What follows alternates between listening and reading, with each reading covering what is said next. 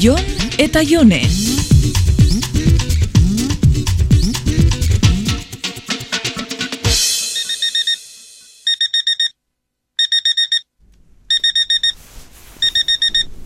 Mm, ze ordu da, Barkatu, alik eta azkarren itzali nahi izan dut baina. baina ze ordu da.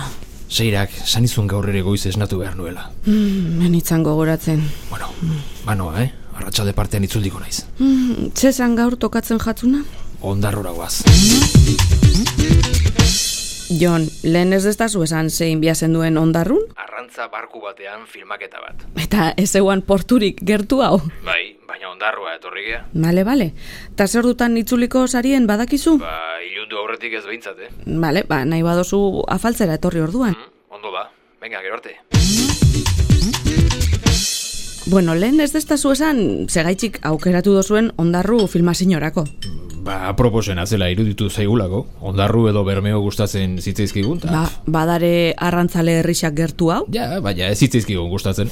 Ba, ze esatea nahi dozu. Ondarru eta bermio baino politxauak badira. Bai, ben ikuentalo bideo bateako, bai? Baina gu benetako arrantza herri bat behar genuen, eh? Ez postal folkloriko bat. Bueno, gauza batek ez daka bestiakin zerikusirik. Ba, nahi ze esaten ezu, eh? Ondarribia, getari, doniban eloitzun, eta, pff, en fin, harrik kartoizko giru izen zaizkitanak. Baina ondarru ez da precisamente... neri ederra iruditzen zait, eh? Kalatrabaren zubi puto oikenduta, ondarru, bermio, ni han benetako portu batean sentitzen naiz. Zegingo dio bat, trintxerpen jaiotakoa naiz? Hmm. Ta ondo joan da filmaketia? Ba, ba, ba, ondo, ondo. Eta zetarako da egin dozuena? Ba, berez gure proiektua da. Egungo arrantza munduaren inguruan dokumental bat egiteko asmotan gea. Baina olako asko egin da dau, ez da? Bai, bai, baina gehienak arrantzaleak eta itsasoaren inguruak. Gure asmoa arrantzalea eta lurra filmatzea da. Eh? Mm. Osea, ze egiten duen arrantzaleak itsasoan ez daunean. Mhm, ba, idea politxa. Bueno, ez da gida azkenean zehozea ateako otean, eh? baina egia esan, tarte libera ditugunean, igaraba produktorako arantxa eta bio sartu geha mobida hontan. Mm, arantxa, arantxa? Bai, Mhm. uste dut behin ezagutu zenula, tipa Mm. alta eta oso guapa bat, morena eta jo, kriston begi urdinekin. Jo, eh, holan deskribitzen badestazu, Victoria Secreten modelo badala esango neuke. Ba, ez baldin bada, beha nahi izan ez dulako, eh?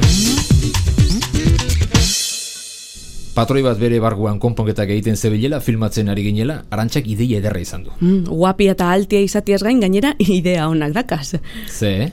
tonu txoiz, eh? Mm, Ze tonu. Bueno, ba, arantxa dio, ondarroko emakumeen horrazkerarekin pelikula bat egin litegela. Eta egia da, eh? Mm, Horrazkerarekin? Ba, ba, ba, pasada bada herri horretan emakume darabilkiten horrazkera. Osea, nola esango nizuke? Exuberantea, eh?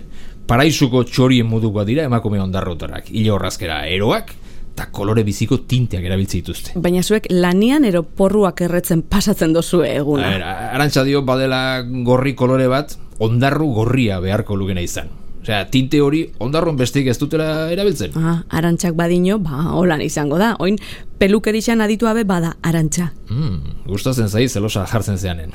Ni zelosa, bai, nahiko zenduke. Bai, Eta hoberena bakizu zer dan, uste dezula zeloak disimulatzen ere bakizula. Ai, etorri hona txoitxo.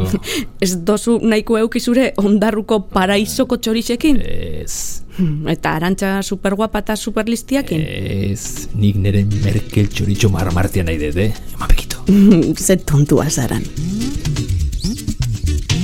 Jon eta Jone.